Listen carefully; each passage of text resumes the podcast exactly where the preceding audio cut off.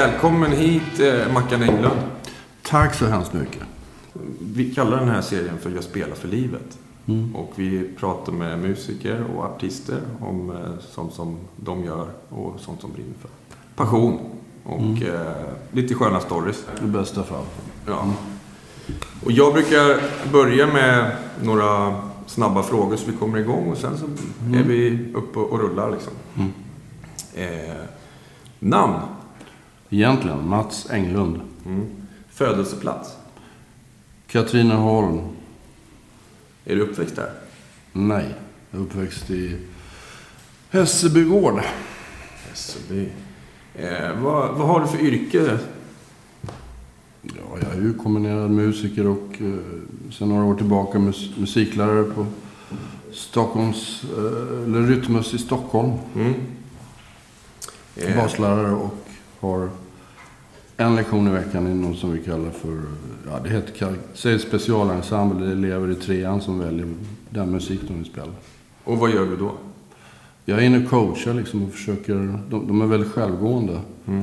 Men behöver de hjälp så är vi ju där och eh, man kan komma med lite tips. Mm. Om, om någon kanske har fastnat i någon del eller sånt där.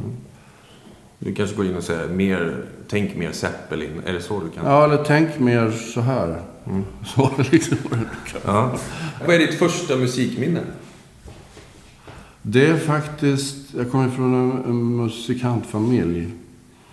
Och det är nog att jag, eller i och för sig det har jag hört berättas, men jag, det har varit musik i hemmet sen, sen man var liksom, låg i mammas mage kan man säga. Båda har musicerat, pappa var yrkesmusiker ett tag och sen har jag varit körledare.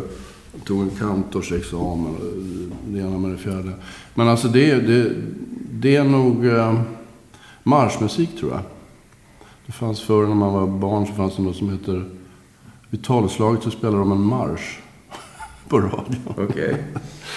och då lär jag ha stått och, och, Det är ju inte vad jag kommer ihåg, men i alla fall kan jag berätta att de har sagt att jag stod och gungade liksom i blöjorna. Mm tyckte kanske det svängde. Jag vet inte. Kanske var det. Så det första var trummor då? kan man väl säga. Eller eh, blåsorkester kanske. Ja, det är härligt. Och sen spelade Pappa har ju spelat mycket klassisk musik. Så jag är liksom uppvuxen med alla de här stora mästarna. Liksom.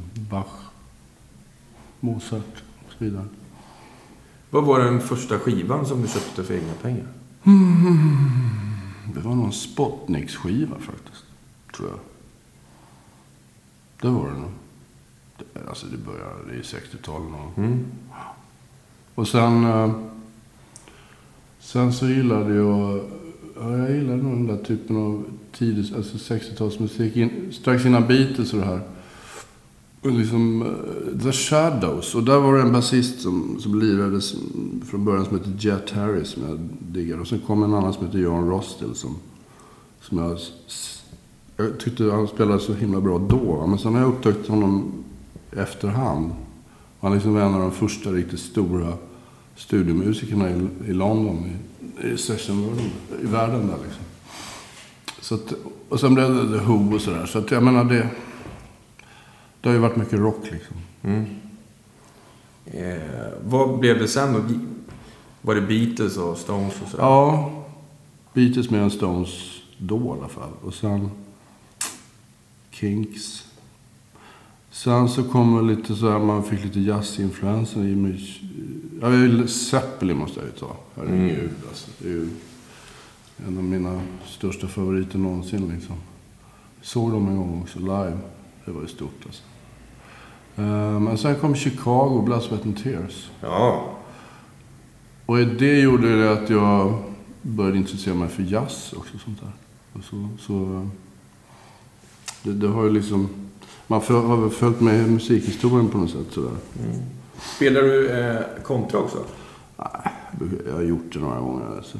Fuskkontra, det, det är bättre att de som kan det håller på med det. Nej, det ska man inte ge sig på. Det är ju som, det är ett helt annat instrument. Mm. Vad, vad spelar du på för bas nu? Jag har ju väldigt många. Men det, det, är något som heter Sadowski som, som är liksom det jag har spelat på nu. Jag är ju sån gammal Fender Jazzbass-kille. Mm. Så jag har ett antal gamla godingar och Det är lite den tanken som finns i de här Sadowski-basarna. Mm. Det är väl kan man säga en jazzbas med steroider på något sätt. Det är fantastiska instrument. Så jag har två stycken som jag spelar på mycket nu. Spelar du också så här femsträngad bas? Mm, det är det jag gör mest. Ja, det är kul. Eh, Johan Johansson var ju här för några dagar sedan och han sa att han hade slagit sönder eh, gitarrer för om man skulle, i liksom dagens värde, en halv miljon. Men då, då hade han köpt dem för så här 900 spänn och så har han slagit sönder dem. Och sen, eh, men det har inte du åt på med? Aldrig. Nej. Eh, Jag är han, inte inne på det. han är mer, mer punk. Det är inget fel i det, men jag, jag skulle aldrig kunna göra det. Nej, inte jag heller. Aldrig alltså. Man Ja. älskar instrument för mycket för, för att slå sönder dem. Eller slå dem överhuvudtaget. Han var influerad, influerad av The Who. Mm. Och det är ju du också, men du har aldrig Nej, fått feeling. jag har inte ens sparkat sönder en, en Marshall-låda. Men eh, vad var det som fick dig att bli musiker? Nej, det var bara så. Det fanns inget annat. Nej. Alltså, jag tror det är med den familjebakgrunden, med släkten också liksom. Det, det har alltid varit något fullständigt naturligt. Hur eh, gick det tillväga? Gick du någon musikskola då när du var liten? Liksom? Ja, jag gick väl på någon slags kommunal och blåste blockflöjt där. Mm. Och sen, jag menar, sen spelade jag hemma. Jag började spela piano när jag var fem alltså. Och, och det var ju små stycken och sådär. Och sen, i och med att man blev äldre och började lyssna på, jag menar, då fanns det något som hette Tio topp liksom. Det var väl en av de få popprogram som fanns på den tiden. Och morsan var väldigt diggade det och lyssnade mycket på det. Så jag, det var mycket där jag kom in i, i och lyssnade på den musiken. Sen blev det ju liksom, populärmusiken ändrades ju där. Men förr hade vi melodiradio som kanske spelade några schlagerlåtar way back liksom. Och det fanns ju inga sådana här pop. Det kom något som heter Kvällstoppen. Liksom. Jag pratar i forntid. Ja. men utbudet var ju inte som idag. Alltså, det går inte att jämföra på, på, på något sätt. Ehm, så att, vad, var- vad var frågan? Jag tänkte, när, när startade du ditt första band? När när började du lira med? Ja. Så... Ja, jag hade polare som jag lirade med. Liksom, 15-årsåldern där någonstans. Jag började spela bas första gången kanske när jag var 14. Och um, jag hade köpt... Jag hade en akustisk gitarr men jag märkte att jag satt liksom och basade det. Mm. Och då, därför kändes det inget konstigt att börja spela bas. Liksom. Och då kände jag det igen. Liksom. Det är det här som... Det här är nog egentligen det jag borde hålla på med. Vad lirade ni för musik då? Det var ju pop. Popmusik. Sen var jag med, sen har jag mina föräldrar har ju liksom en bakgrund i, i, i frikyrkan också. Så att jag har ju musicerat mycket. Så. Och eh, var ju med i några sådana här gospelband liksom. Och sen fick man ju kontakter utanför. Och blev tillfrågad om man ville vara med. Så att det var ju så det började liksom. Och sen i och med att, eh, var jag? 18, 19, då flyttade familjen ner till Skåne. Och jag var väldigt tveksam att följa med. Så jag hoppade av skolan och jobbade ett år. Och så flyttades det ner liksom till Lund och Malmöområdet där. Och där träffade jag ju folk och så kom jag in på Musikhögskolan där. Och det gjorde ju liksom att, att jag fick mycket, mycket jobb där nere. Och det ena gav det andra. Sen fick jag kontakter med folk här uppe i Stockholm. Så när de flyttade hit då, jag tror det var 79, eller jag vet att det var 79. Så efter 14 dagar så var jag på en inspelning i Polarstudion. Det är rätt bra. Det, ja, det är konstigt. Jag hade ju gjort några, varit med i några band innan där nere i Malmö. Ray Montana band. Spelade med Mikael Wiehe. Mm. Det var där jag gjorde min första stora inspelning. Liksom. Vilken skiva var det? Sjömansvisor heter den. En av mina favoritplattor. Jaså? Ja. Hur kan det komma sig? Jag är uppväxt med den. Menar du? Sakta lägger båten ut. Utifrån, ja. Mm. Börjar väl med Det, är, det är massa Dylan-låtar. Ja, det är Dylan. Eh, fantastisk skiva. Vem är det som spelar banjo? Ja, Olle Möller. Och så var ju Chico Lindvall där som var, är väl fortfarande, största gitarristen som Malmö haft. Han var med också. Och så spelade Muffe som spelade trummor från Hoola Bandoola. Så Just det. Det är han som spelar som Liv on Hell. Ja, underbar att lira med. Alltså. Riktig favorit. Ja, vad märkligt. Att du, ja. Ja, så är Det det. ser man. Eh, 77 spelade vi in den. Ja, den kom 78 va? Vi spelade in den ute på eh, Skå, ute i skånska landsbygden i en Skånelänga. Det var svinkallt. Så jag satt och lirade med en, ja, någon form av rock där. Spelade ni in en live eller? Ja. Eh, allting live. Och så gjordes det lite pålägg. Jag vet, Chico la några gitarrsolo och sådär. Så tror jag han la om sång på några grejer. Men det var alltså en inspelningsbuss som stod utanför. Nacksvings inspelningsbuss. Och så lirade vi in live allting. Och så var det kallt. Purple gjorde nere i...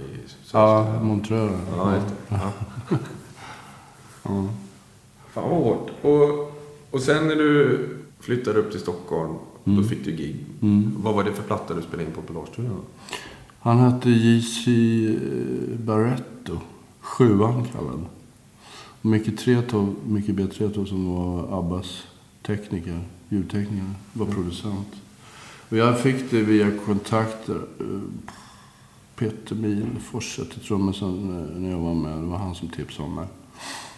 Och eh, jag tror jag spelade på fyra spår där på den plattan. Och det ena gav det andra och sen... Det var mycket trummisar som har mm, rekommenderat mig. Vilket ju känns häftigt. Ja, för det, det som brukar vara... Sitter inte trummor och bas ihop, då, så då svänger ingenting. Liksom.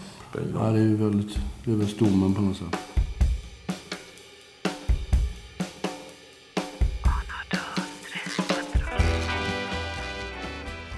Andra basister som du inspireras av?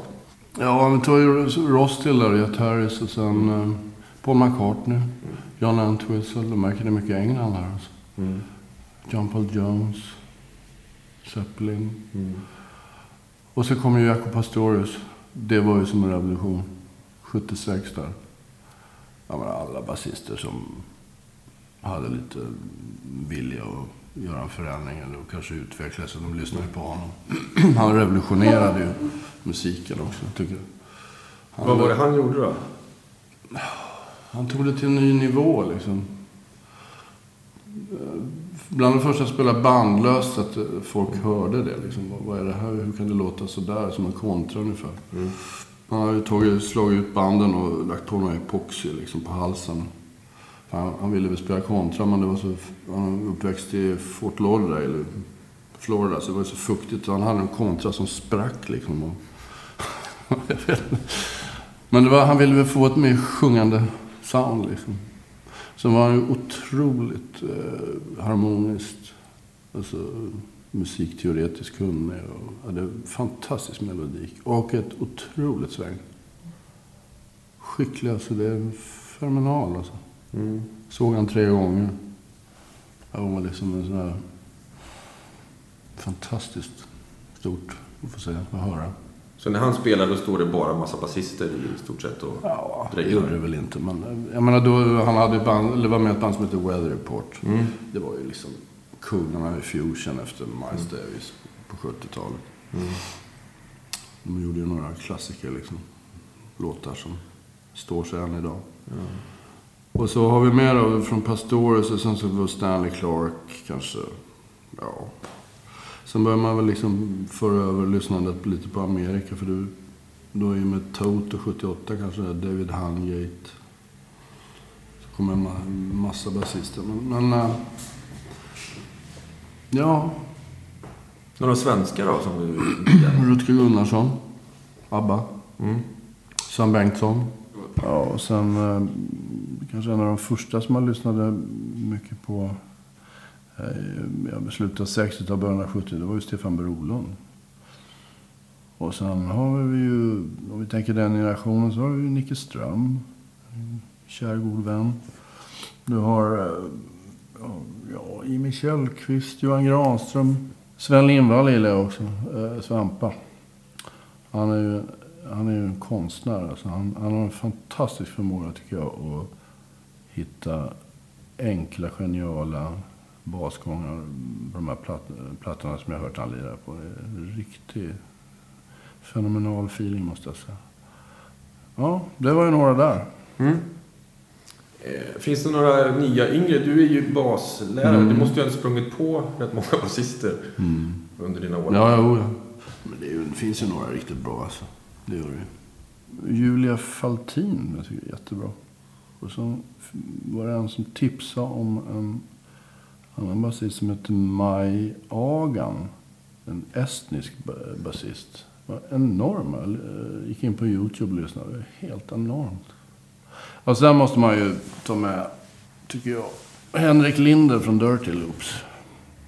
Alltså det han gör, det är ju helt fantastiskt. Eh, ja, han, han utgår från någon slags grundkompi i, de lägre registren och sen lägger upp då liksom melodiska löpningar och ackordspel. Det är helt fenomenalt. Alltså. Fantastiskt. Han har till exempel på Rytmus har han varit och gjort clinics och sånt. Han är mycket trivsam herre. Ehm, så vad de Dirty Loops håller på med det är ju bara att buga och bocka och ta sig hattarna. Alltså. De är ju fantastiskt skickliga. För jag pratade med Bosse Skoglund och han sa att han tyckte att alla unga trumsar de är fantastiskt bra tekniskt. Ja, Men just det här och svänget och ja. liksom luften emellan. Liksom, att det är mer duktigt än att det... Det ligger nog någonting i det. Så man måste ju lära sig att umgås i musiken på något sätt. Det är som att det är ett sätt att prata. Jag menar, du och jag pratar ju inte i mun på varandra till exempel. Hoppas jag. ja, men sådär. Det är ju precis så man ska spela tycker jag. Det finns väl ingen som svänger mer än en paus också. Liksom. Dynamik är också mm. väldigt bra honnörsord, tycker jag. Eh, vad föredrar du? Spela på noter eller spela på örat? Spelar ingen roll. Har du ett bra öra? Ja, det hoppas jag. Mm. Ja, alltså jag kan ju säga det att det, det, det lär jag ju mina baselever också. Att de bör ju lära sig spela efter noter. För att om man tar, som, om man tar från 70-talet och framåt så... Eh, om vi säger att Alltså alla sessions nästan man gjorde. Ja, till 80 procent var ju... Ja, kanske 70 då. Så här, mm. var det skrivna. Alltså det var, det var noter. Sen fanns det ju även sessions som hade noten, men man kanske ändrade det som arrangören hade gjort. Då, man, då lärde man sig kanske låten på, eller gjorde om arret och då spelade man med på gehör på kom ihåg. Men idag är det ju, alltså för mig så är det väl, det är väl jag kan ju säga att hälften av jobben hade man ju inte haft om man inte hade läst noter. Mm. Det kan jag ju säga rakt av. Men kan du spela låtar som du har spelat förr? Alltså kommer du ihåg eh, låtar och sen... Ja, går ganska fort? bra tycker jag. Mm. För det, det... Man, det är ju bra att komma ihåg liksom. Mm. Absolut. För jag är så imponerad av folk som är bra på att spela bas liksom för att... Eller spela överhuvudtaget kanske. Ja, men alltså just bas. För han, spelar han eller hon som spelar bas fel så hörs det så jävla mycket. Mm. De som spelar gitarr eller så här, det, det, kan man komma undan. Mm. Men när basen ligger fel mm. då... Grundton kanske. Ja. Då välter hela... Ja. Eh. Det ligger nog mycket i det Så att, ja. eh, det är ju rätt tydligt sådär. Ja. Du har ju rest en hel del.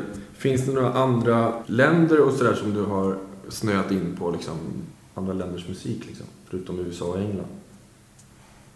Jag lirade på Barbados en gång. Ja. Det var häftigt alltså.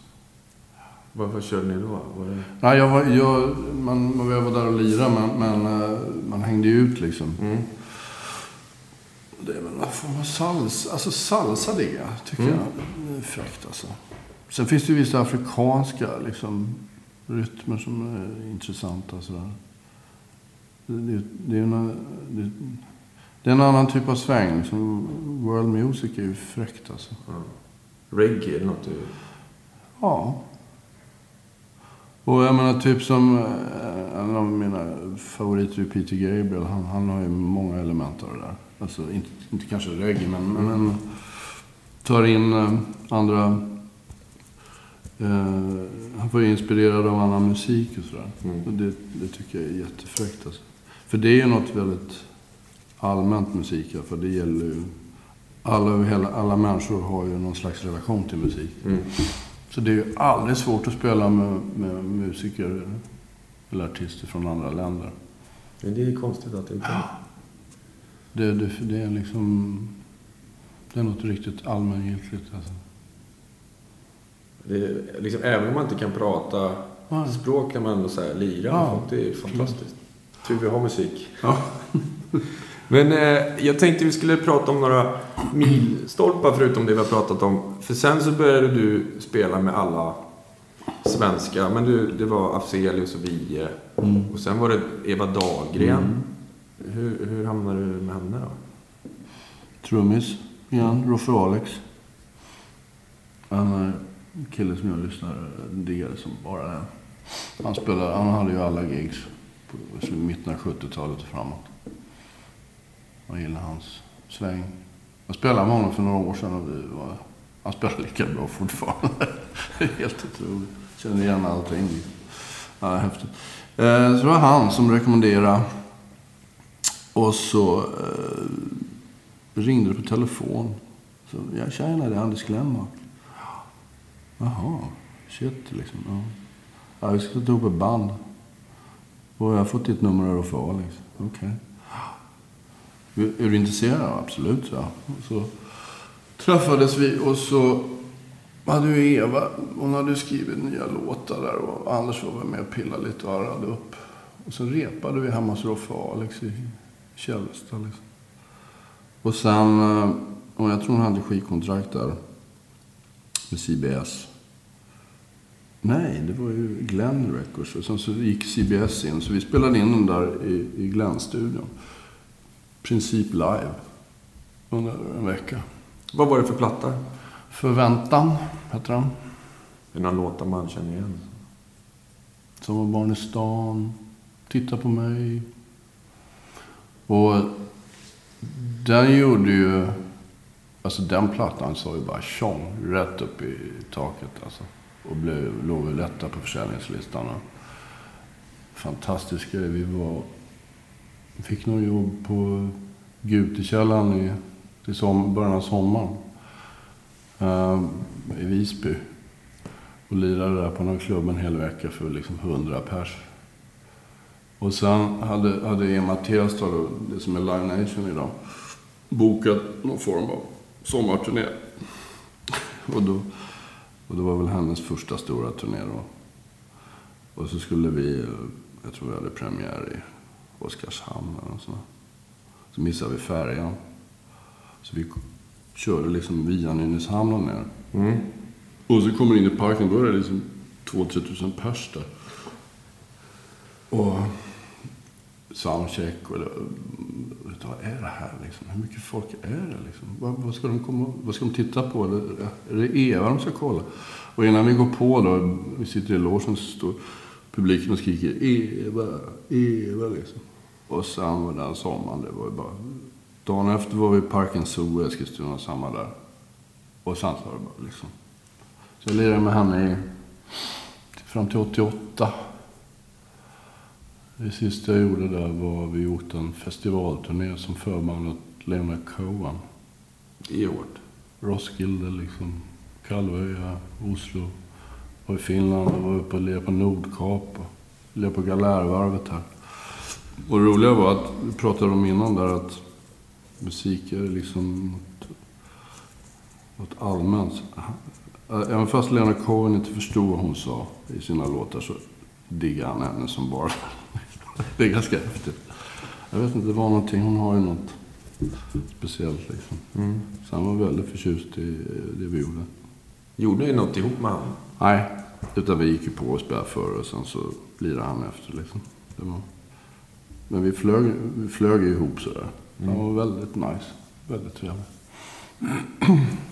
Det var åtta år där, eller vad det blir. Sen så har du också lirat med så här, Björn Skifs. Var det samtidigt eller var det efter? Eller? Det var eh, inspelning. Inspelningar. Gjort några inspelningar med honom.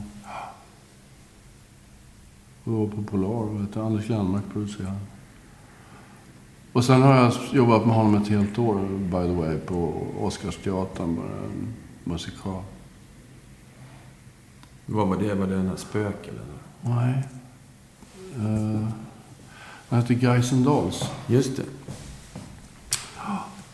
Han har ju en röst. Ja, gammal favorit. Verkligen alltså.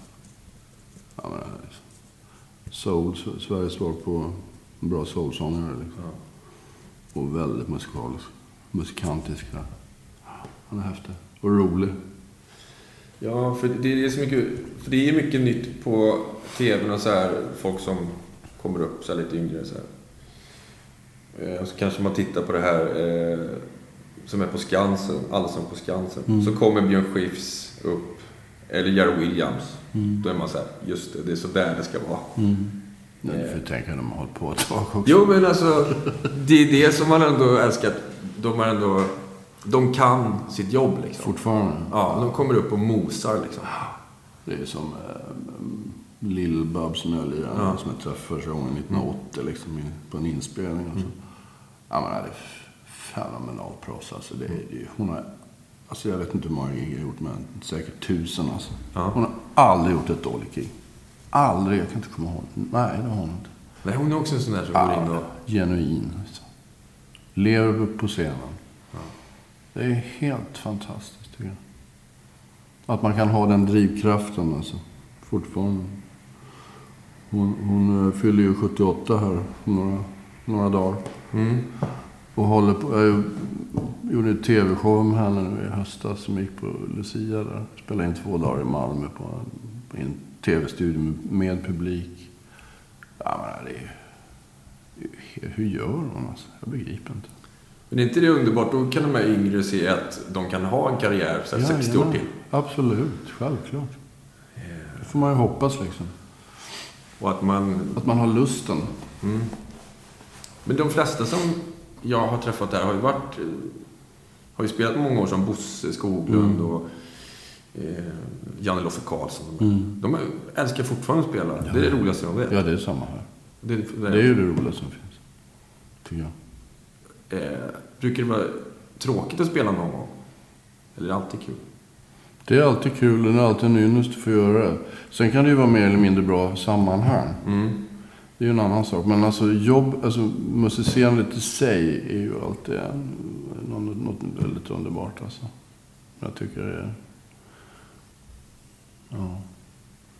Det är, det är fortfarande, det finns ju en lust hela tiden alltså. Och jag, jag känner fortfarande ambition. Alltså jag vill göra det bästa. Har, har du tackat ja till ett jobb så ska du göra allt du kan för att göra det så bra som möjligt. Och det är då du får fler jobb också. Det kan vara så, ja. Det, det är väl... eh, Det är en del av att vara professionell, tycker jag. Mm. Du ska alltid ta, ta, ta fasta på att du ska göra ditt yttersta.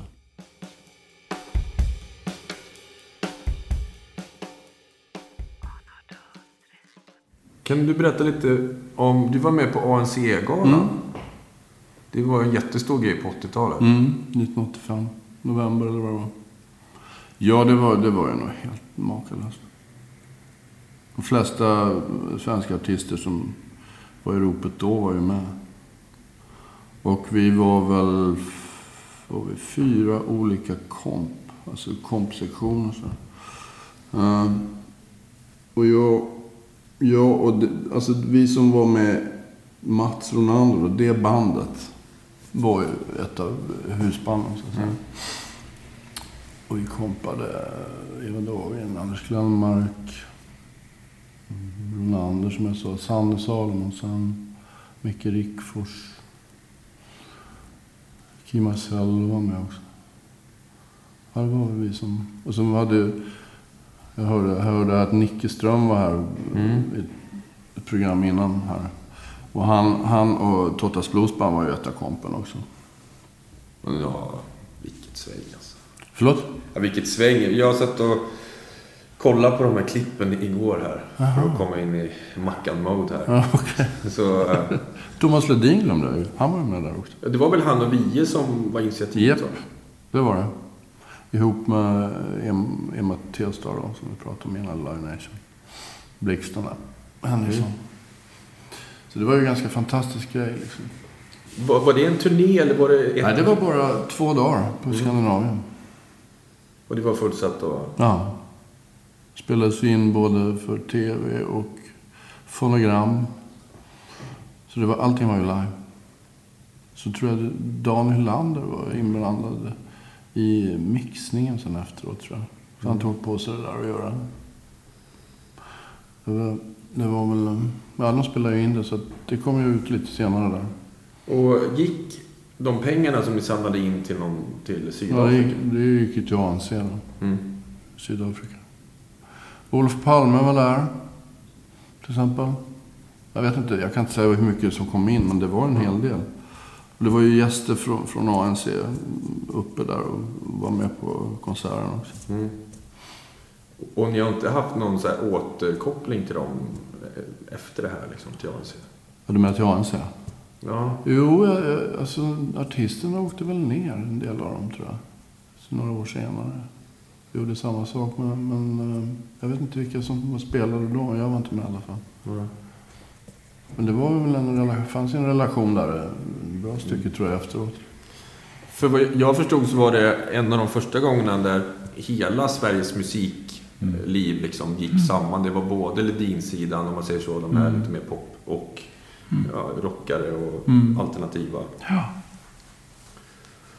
Eh, skulle det inte behövas en sån nu? ja, om det fanns ett syfte, ja absolut. Men det görs väl lite då och då. Det inte? Ja, det var den här för flyktingarna gjorde de i höstas. Eller i våras eller vad det var. Jag tror det är viktigt det där. Ja. Ja, det är viktigt. Jag tror, bara tror det är viktigt. Och det är det som är så fint att du kan fråga vilken musiker som helst, alla ställer upp. Ja, Det känns som att alla har liksom hjärtat här. Ja, absolut. Det är ingen tjafs där, jo men jag vill ha, utan det är så här, ja det är självklart. Ja. Och det är inte så vanligt inom andra branscher. Det kanske är så. Alltså, skulle du fråga alltså, advokat, liksom, samfundet så hade det inte varit så här, jajamän, vi ställer upp och spelar gratis. Eller vi, det här gör vi, det är inga problem. Men, eh, så det kan vara ett tips till dem. Men vad betyder musik för dig? Skulle du kunna leva utan det? Svårt. Tror jag. Nej, det vet jag. Det är klart att det, det är jätteviktigt. Det är som luft, liksom, tycker jag. Det behöver vi. Ja. Och sen att få utöva det också. Jag menar, det, är ju, det, är ju, det tar ju sin tid. Alltså. Man, och det, det, bästa, det bästa med musiken för mig, det, det är att man aldrig blir full där. Och det ska man inte bli heller. Och du kan alltid göra någonting åt någonting. Liksom. Öva, öva lite mer eller spela lite mer tillsammans eller med någon annan. Så. Spela med yngre musiker är väldigt nyttigt också. För de har ju en annan, ett annat utgångsläge. Och då, då blir man mer stimulerad. Man får ny inspiration. Spelar du mycket med dina kids på skolan? Det händer alltså. Nu har man ju sina lektioner liksom. Men, eh, ja, det, det händer ibland faktiskt. Det är väldigt roligt. Tänk att de vill spela med en gammal gubbe liksom. Det är Ja, fast det gillar vi ju. Jag sökte till en skola där du satt i intagningsbandet. Jaha. Så kommer jag ihåg, eh, du och några till satt där. Det svängde. Är du säker på det? Ja, det gjorde Jag började säga, fan det här låter ju bra direkt. Liksom. Jag kommer ihåg, man, man, man var tvungen att så här, ja, vi måste spela en låt eller något sånt där. Så jag tog någon, eh, Evert Taube tror jag, Okej. som vi spelade. Och så, ja. Jag kom ju in så att det måste vara gjort. Ja, du måste ha gjort något bra där. Och sen så började du jobba med Björn och Benny rätt mycket. Mm. Kan du berätta lite kring det? Det började ju med, de skrev en musikal som heter Kristina från Duvemåla. Mm. Och då spelade jag, eh, den gick väl fyra säsonger tror jag i Stockholm. Eh, 98 åtta måste det ha varit, ja. Jag spelade första säsongen och sen gjorde jag en annan grej efter det. Och eh, vidare så var jag med och spelade hela Chess som gick på Cirkus också. Uh, och då spelade vi in platta på det.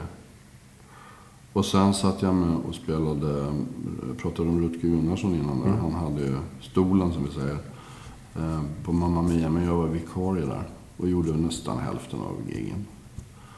Uh, och sen fick jag även vara med när de gjorde film på, på den här.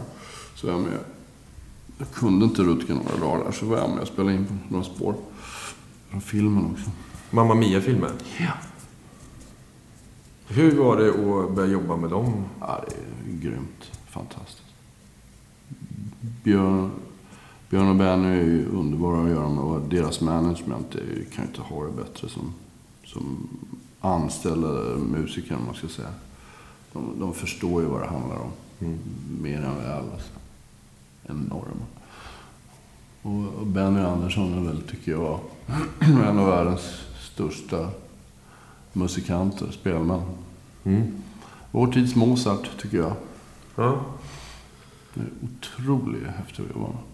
Det känns som att han, han älskar verkligen musik och spela ja. framförallt. Ja. Underbar att vara med. Och, ja, det är de ju allihopa. Men alltså det, det är något speciellt. Det är, inte, det är inte så konstigt att de har lyckats liksom göra musik som, som alla över hela världen känner till. Mm. Det är helt enormt alltså. Ja, vi har sålt 400 miljoner plattor tror jag. Det var bara Beat, Beatles, Elvis, Michael Jackson. Som tror jag är ABBA. Där som har sålt mest. Alltså, det är ju helt fantastiskt. Ja, det är... Jag tror inte vi förstår det i Sverige, hur, hur stora de är. Jag, var, jag gjorde en annan grej med, med, där de var inblandade som var ju helt fenomenalt. Och så fick spela i Royal Albert Hall. Oj. 2010. Då gjorde de, vi har gjort några sådana här konsertversioner av den här Kristina från Duvemåla. Och då var, då var vi tre man i kompet. Alltså det var Lasse Welander, gitarrist, Peter Fällskog, trummor och jag på bas. Som fick spela med Eh, delar av London Symphony Orchestra. Så var det, en amerikansk, det var ju amerikansk produktion ihop med, Björn och Bennys bolag Briggen, tror jag. Och det var en amerikansk kör. Och så var Helen Sjöholm med, som var med i originalet från Kristina. Och sen var det engelsk och amerikanska eh, huvudroller. Vi gjorde den konserten där i Royal Albert Hall. Och innan det började så... så eh, och Björn och Benny med familj var ju där.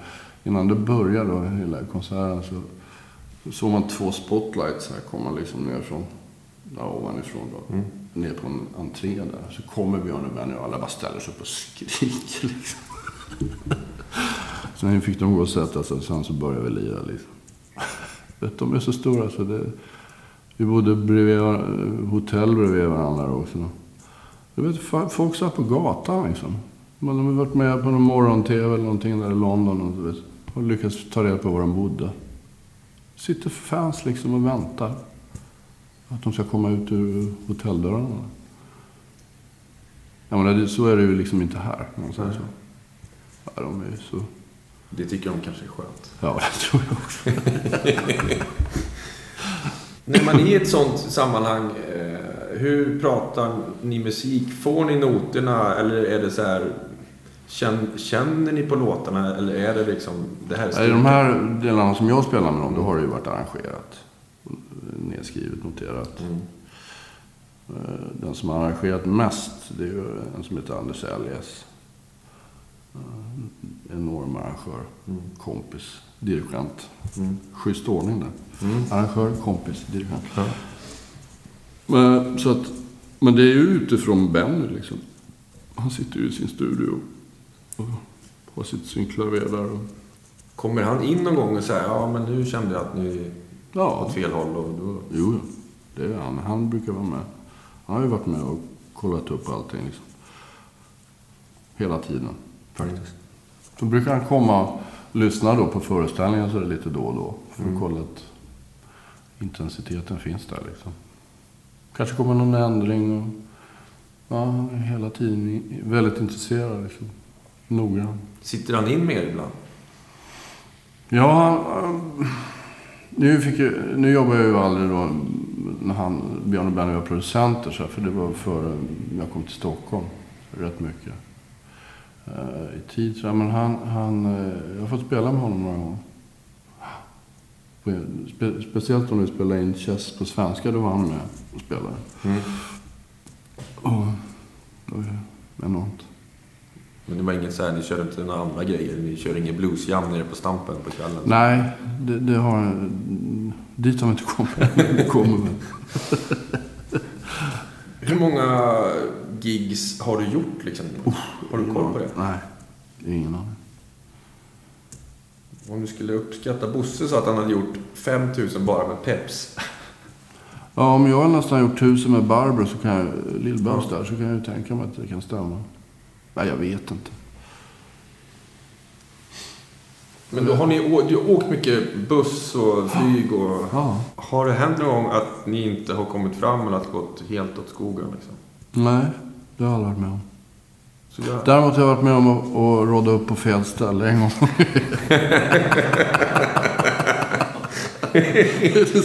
Berätta om det.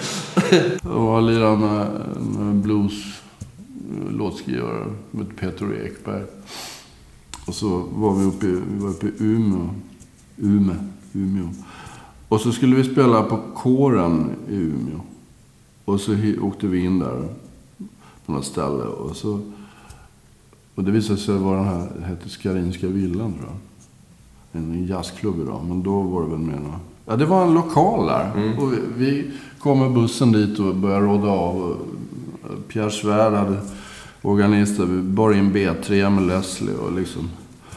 Och så gick jag omkring där och tittade. Så, fan, det ju, finns inga affischer. det står inte att vi ska... Och vi hade, de hade ju släppt in oss. Liksom. Ja, vi, vi ska spela. Ja, visst. Välkomna hit. Så kom vi på det. Nej, men vi- gud, vi skulle spela på Universum liksom, där på kåren. Så vi fick ju råda ner allting igen. Men vi hann det också alltså. Det är ju helt otroligt. In med B3 igen. Ja. det, ju- det, det känns ju när man råddar och bär det där. Alltså, det är ju tungt. Men det är värt det sen. Ja, ja. Visst är det det. är ju en story om inte annat. Ja. Har du spelat mycket med Pierre? Ja, nej inte efter det. Alltså, vi, han var med... Eh, spelade ett år med Daniel Lander också. Mm. På mitten av 80-talet. Men vi, vi har setts några gånger efteråt tyvärr. Nej, tyvärr, tyvärr har jag inte gjort det. Var du och Mats Persson med i, i Raymond Tala samtidigt? Nej, det var det som Hylander hade efteråt, Kosmonauta. Just det. Mm. Och sen var han med... Jag spelade ju mycket med Mats Ronander på, på 80-talet. Och även nu senare tid här. Faktiskt. Och och då var Mats med en turné. Slutet där. När var det då? 87. Alltså det här syntsoundet som var då. Det, Mm. det kan... Ja, det är inte lika roligt som Idag. idag. Vi spelade med Mats någon gång och då var han så här, ja, alltså vi, vi, vi ska inte låta som det låter på plattorna utan vi, vi tänker lite mer 70-tal liksom. Ja, du får ju tänka på att det var ju sin linda där på något sätt. Det skulle programmeras och hållas på. Liksom. Det var en annan tid då. Men det kommer ju nog gott av det också. Absolut. Men det, det, det är få sound som man kan må så dåligt av ibland som 80-talssound. För det, det fanns är ju bra låtar och liksom välarrangerat och Ja. så kommer de jävla syntarna och bara förstör liksom. Det fanns väl några sound där som Mm. var... Vad var det? Vi hade Oberheim och Minimoog är väl ball. Absolut. Det håller ju än idag. Ja, ja, Moog, ja. Men det, det är högsta mode nu bland alla Ja, det förstår jag. små musiker. Det kommer att bli som Hammond-orgeln tror jag. Ja. Prophet 5. Ja. Profit, ja, och det är fina grejer också. Kan du prata om lite andra musikaliska möten som, som har varit stora för dig? ja, men det blir nog mer gig liksom. Mm, ja, men gig är bra. Alltså, eh, vi gjorde ju nog... eh, Att, där kan vi prata om möte. För, alltså, den, en av de, mina favoriter det är ju Mats Ronander. Alltså. Mm. Dels så fick jag spela med honom i fyra, fem år där på 80-talet. Och sen från, ja, för några, sex, vad blir det nu Sex år till, nej, åtta år tillbaka så har vi börjat lite, spela lite mer, eh, lite då och då med honom. Och det, det är en sån här fullständigt, han har en förmåga att få alla att spela, kanske utveckla sin nivå några snäpp alltså. I och med att han är med. Eh, det där är ju helt fenomenalt. Alltså. alltså det blir någon, jag vet inte vad det blir. Men någon andlighet eller vad det kan vara. Det blir bara så bra liksom. Ja, han kommer ju med bra låtar. Han sjunger bra. Han är jävligt munspel och gitarr. Gitarr. Gitarr är ju så bara... Smäller om. Ja, men det är, det är inte bara det där att det, det är bra, det är något annat ändå. Alltså något mer än det. Mm. Förmåga liksom att få folk att ja, bara spela sitt yt ja, det yttersta, det gör man ju. Men alltså, han får en grupp att liksom bara, wow, så. Det är helt enormt. Det är väl det. Alltså. Och man har ju fått spela hela, eh, sen man kom till Stockholm med så vansinnigt bra musiker liksom. Och artister. Och då blir ju, då blir ju mötet väldigt positivt. För, ja. Det är häftigt när bra musiker kan bli någonting fantastiskt tillsammans. Ja. Och det behöver inte vara de bästa av allting. Det är... Nej, utan det blir en mix där som, som klickar liksom. Mm. Lyssna på Stones. Det är ju fantomexempel på det där liksom. Ja. Och det bara synka liksom. Ja, för de är inte så, så jävla fantastiska var och en för sig liksom. Jag skulle kanske inte gå på en spelning med bara Keith Richards liksom. Men när han spelar med de andra. Ja, det, det, det är häftigt alltså. Är han bra på att spela bas? Alltså Bill Wyman. Ja, verkligen. Han, har- han var också inne på jazz. Han, var- Ja, just det. Han har sitt storband. Mm. Nu. Häftigt. Charlie Watts eh, brukade ju alltid kompa alla så här blues liksom, gubbar Just från det. USA när de kom till England. De bara, men vi tar det liksom. Ja. Ja, absolut. Ja. Ja, Charlie Watts. det är grym. Nu kan vi prata sväng. Ja. Om du kan nämna några trummisar som du passar bra tillsammans med. Ja, vi har ju, vi har ju där Ronander, mannen där, Åke Sundqvist. Mm. Lindvall, Per Lindvall. Ja, men det är ju alla som jag fick spela med förr och även idag. Alltså. Mm. Alla har ju någonting. Mm. Det är liksom... Ja, det är, jag pratade om Roffe Alex innan. Här, och, ja, det, är ju, det är väl ett... Man spelar med en som heter Magnus Fritz nu till exempel. Mycket. Det är samma sak där. Alltså det är det att man tycker, tycker om att spela ihop så blir det ju bra. liksom. Mm. Det Men vad är det som gör att det funkar eller inte funkar liksom? Ja, det är väl uppfattningen. Time och groove kanske. Det, det går ju att lösa ändå liksom. Det är bara att man får... Ja, man får adaptera ett annat synsätt kanske i vissa lägen liksom. Mm. För att få det att fungera. Det handlar ju om... Det är där man justerar sin timing liksom, kanske. Det är väl ett bra sätt. Ta fasta på det. Så om den som spelar trummor är på, liksom hänger du Ja, bak då? då är det väl bra att hänga lite. Och... Mm. Sen är ju, det är ju de, alla de som har, har nått en viss nivå, då- då är det ju, behöver du nästan aldrig fundera. Det är ju bara att spela på liksom. Men då, då är det ju det här med att man har samma synsätt, eller känsla för det man gör. Eller timing, som jag pratade om. Då är det ju, då är det ju bara att köra liksom. Det är lätt att säga, men det är faktiskt så det Mm. mentalt funkar. Alltså. Ja. Har man kul brukar det bli bra. Sen hade vi när, man satt så mycket på inspelningar och sådär så hade vi ju all, alla fall från, ja, jag kan ha kommit 81, 82 där. Man Mm. började köra med klick liksom. Vad tycker du om det? Ja, det är världens bästa percussion-kompis liksom. Jag tycker det är kanon. Sen kan man ju ha, en del vill ju inte spela till klick, en del vill spela, alltså det, det handlar om lyssningen där man har, man har Ja, jag tycker det är skitroligt. Bara ett bra klick som funkar att spela på. Mm. Man ska tänka som en percussionist i det. Så att, så att du inte har en, kanske någon... Det är kanske inte är så skönt att spela på, men Nej. kanske. Eller, Eller att det svänger lite. Ja, att du har- så här, dack, dack, dack, du har ett pattern liksom som Ja. du spelar till. Så tänk er som att det är en percussionist. Då, då är det ju underbart. Kan du nämna några bra liksom, gitarrister som limmar med dig? Ja, vi har ju nämnt några redan. Vi kan ju gå tillbaka till Chico i Malmö. Och Jonas Isaksson, Roxette. Vi spelar ju ihop med Eva Dagen. Grym. Fantastisk. Lasse Olander, Mats Olander, Henrik Jansson. Tobbe Fall, som spelar mycket med, som sitter i Allsångsorkestern nu. Mm. Hasse Rosén.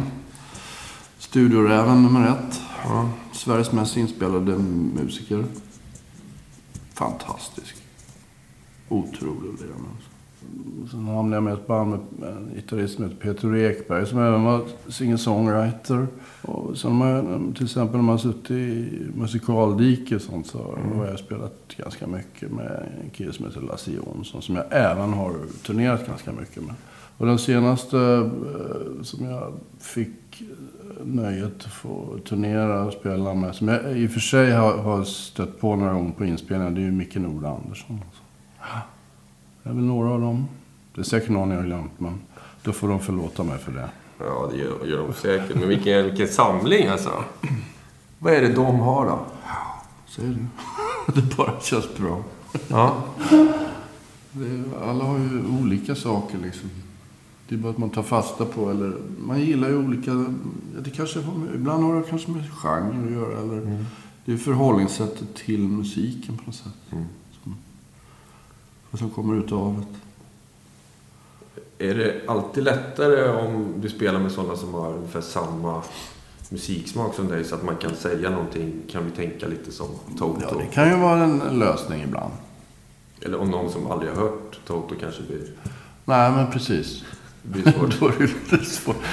Ja, men alltså... Jag kan inte säga att... Ja. Du menar ha någon relatering till någonting? Alltså, Ja, men det blir så Relatering- mycket lättare när man är kanske i en repsituation och så. Ja. ja men, liksom så kan man säga, ja men get your jayas out liksom. Ja, eller- Då, om man har Tänk, hört tänk den, Avicii liksom. Ja, visst. Då fattar man. Ja. Det blir ett epitet som är lättare att hålla sig till, absolut. Annars kan det ju vara som liksom, eh, någon producent sa för många år sedan. Ja, spela mer naket. Liksom.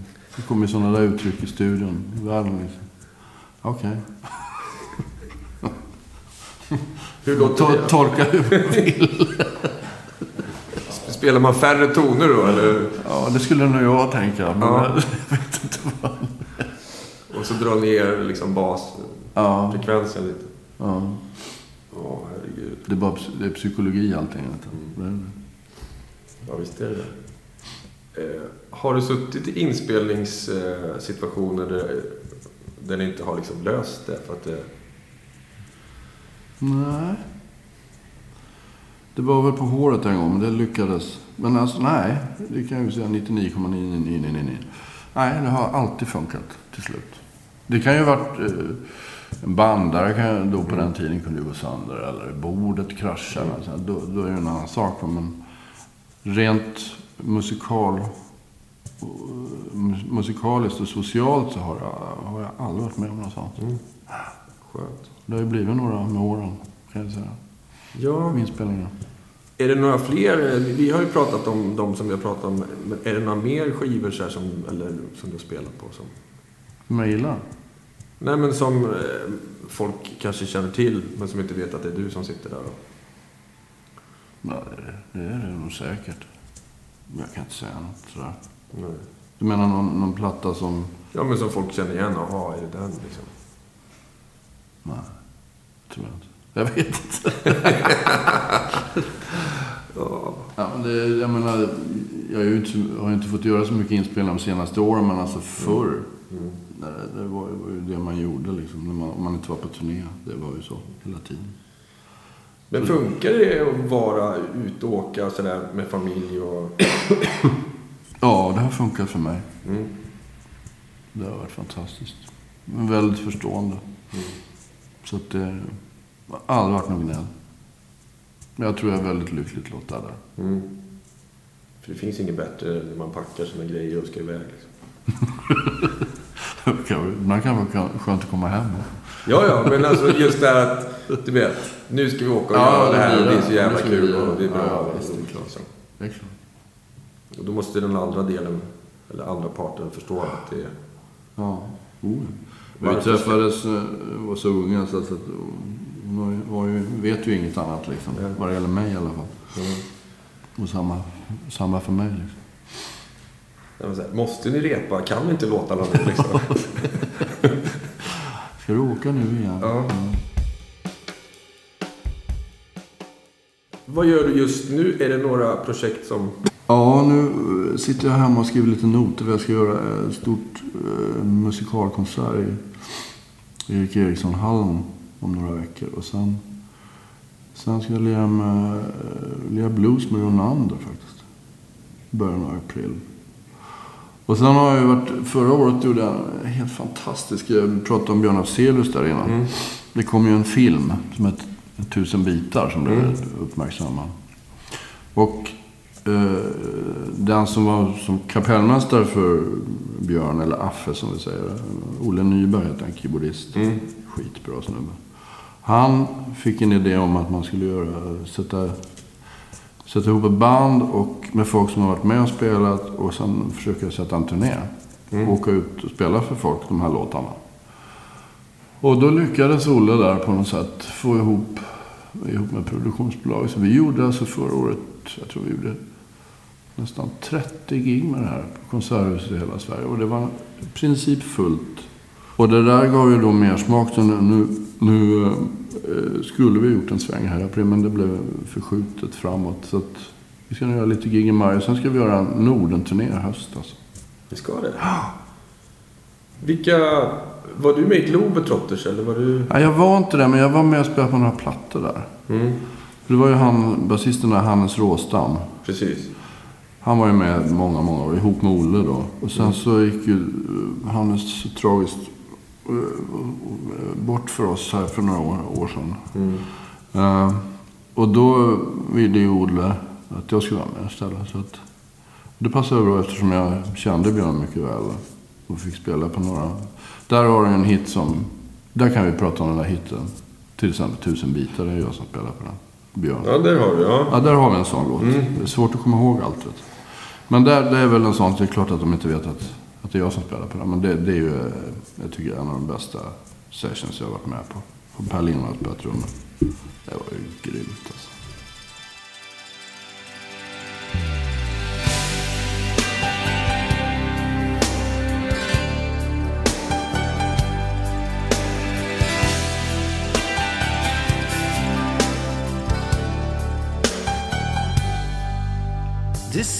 Att ovan molnen är himlen alltid blå. Men det kan vara svårt att tro när man inte ser den. Och det sägs att efter regnet kommer solen fram igen. Men det hjälper sällan de som har blivit våta. För när försvinner eller kärleken tar slut ser man allt med lite andra ögon. Man övar sig och långsamt blir man bättre på att se skillnad mellan sanning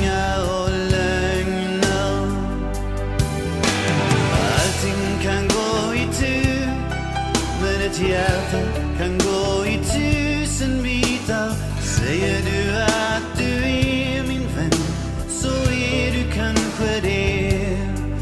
Mm, Allting kan gå i tur Men ett hjärta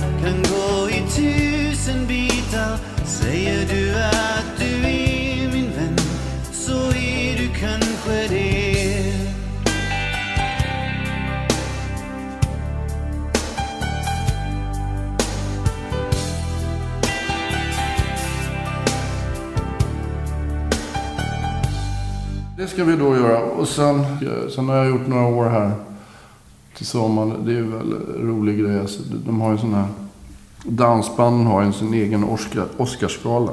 Mm. Som heter Guldklaven uppe i Malung, Dansbandsveckan. Och då, då har jag varit med i husbandet där i ganska många år. Det, ska jag göra i juli tror jag. Man får kompa. Man spelar det som en P3 live. Och sen är det då årets band och årets Mm. låtskrivare och sådär. Då har vi några där som i min kvartett då, som kompar. Då kommer det dit artister. Och, Vad är det för sound då? Vad är det för sättning? Det är keyboard, gitarr, trummor, bas. Eh, Det är lite roligt för, för dansband ligger så jättenära country egentligen. Mm. De går ju nästan- Mer och mer har det blivit Ja. så. Eh, Apropå country då, så förra året kompade vi till exempel uh, Hasse Andersson. Det är stort. Det är stort. Olle Jönsson, alltså Stephens. Ja. Fast det var för två år sedan tillbaka. Alltså det, det kommer lite artister sådär och, och gästar under den här galan då. Som är, Mm. lirar över två timmar. Och sådär. Det, det är faktiskt riktigt trevligt. Vad skulle du vilja göra framåt då? Har du några projekt kvar som du har sparat på? Nej, men det är bara att få fortsätta alltså. Få in ständigt få spela med andra. Och, om det är någon som vill ha ens hjälp liksom. Mm. Jag är jättenöjd alltså. Med, Mm. Fantastiskt nöjd med det som jag har varit med om i mitt liv. Det är helt otroligt om man tänker efter. Vad man har fått göra. Och nu får man liksom vara med lite på vägen för ungdomar som vill spela då. Och det är ju häftigt att få ge tillbaka Mm. det man har varit, fått uppleva eller, eller mm, kan ge tips och råd. Inte bara för att bli bra musiker eller sång eller artister utan liksom försöka få ungdomar att bli en bra människa. Liksom. Mm. För det är viktigt att man är en eh, skön människa, annars får man ju inga gig. Liksom. Det är väl, det är, social kompetens där är väl rätt okej att ha. Ja. Mm. Och sen, jag menar, och sen att, att det här med att vara musiker eller musikant, det är ju inget, det är inget speciellt med det. Det är ju ett yrke eller sysselsättning som allt annat som folk gör. Liksom. Det känns, det är ju ganska, ja. Många tycker så fantastiskt, åh känner du den och känner du den? Ja, men det, vadå då liksom? Det är ju ens arbetskompis. Ja, eller liksom, man jobbar med artister, det är väl inget speciellt med dem. Mm. De är vanliga människor, de också. Kändishysteri, förlåt, men det, Ja. idag, speciellt idag, det, så var det ju inte förr. På Mm. samma sätt som det är idag. På gott och ont. Men det känns ju ändå som att, att musik betyder så mycket för folk så att det blir liksom... Det gör det.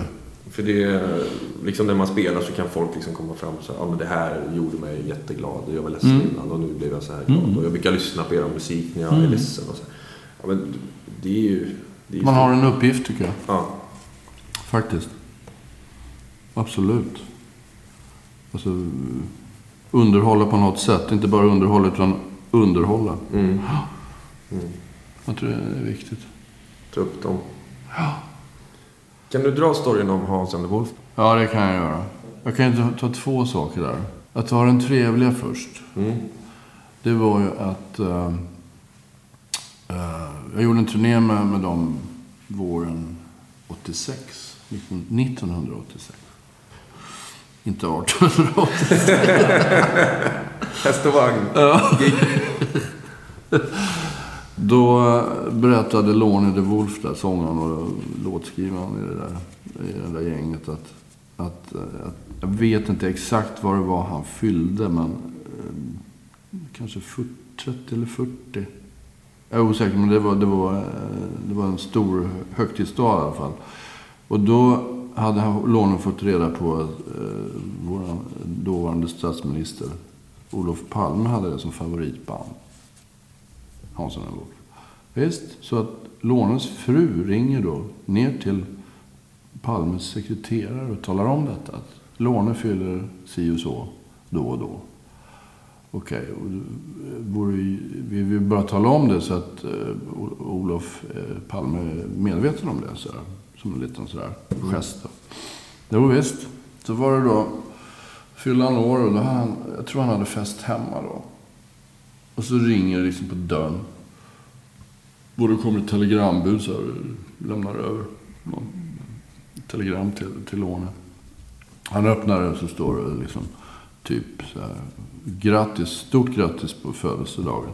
Olof Palme United står det under, underskrivet. Vilket är ju skithäftigt. Ja. Det var den trevliga saken. Den, den förfärliga saken i det här eh, var att vi hade alltså premiär 28 februari Oj. 19- 1986 Nej.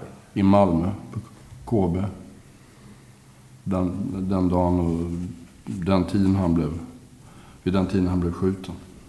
Så vi sitter ju då i, i logen efteråt och så kom kommer ett gäng- ett gäng med folk. Liksom. Det gjorde det ju alltid när man spelade Malmö i logen.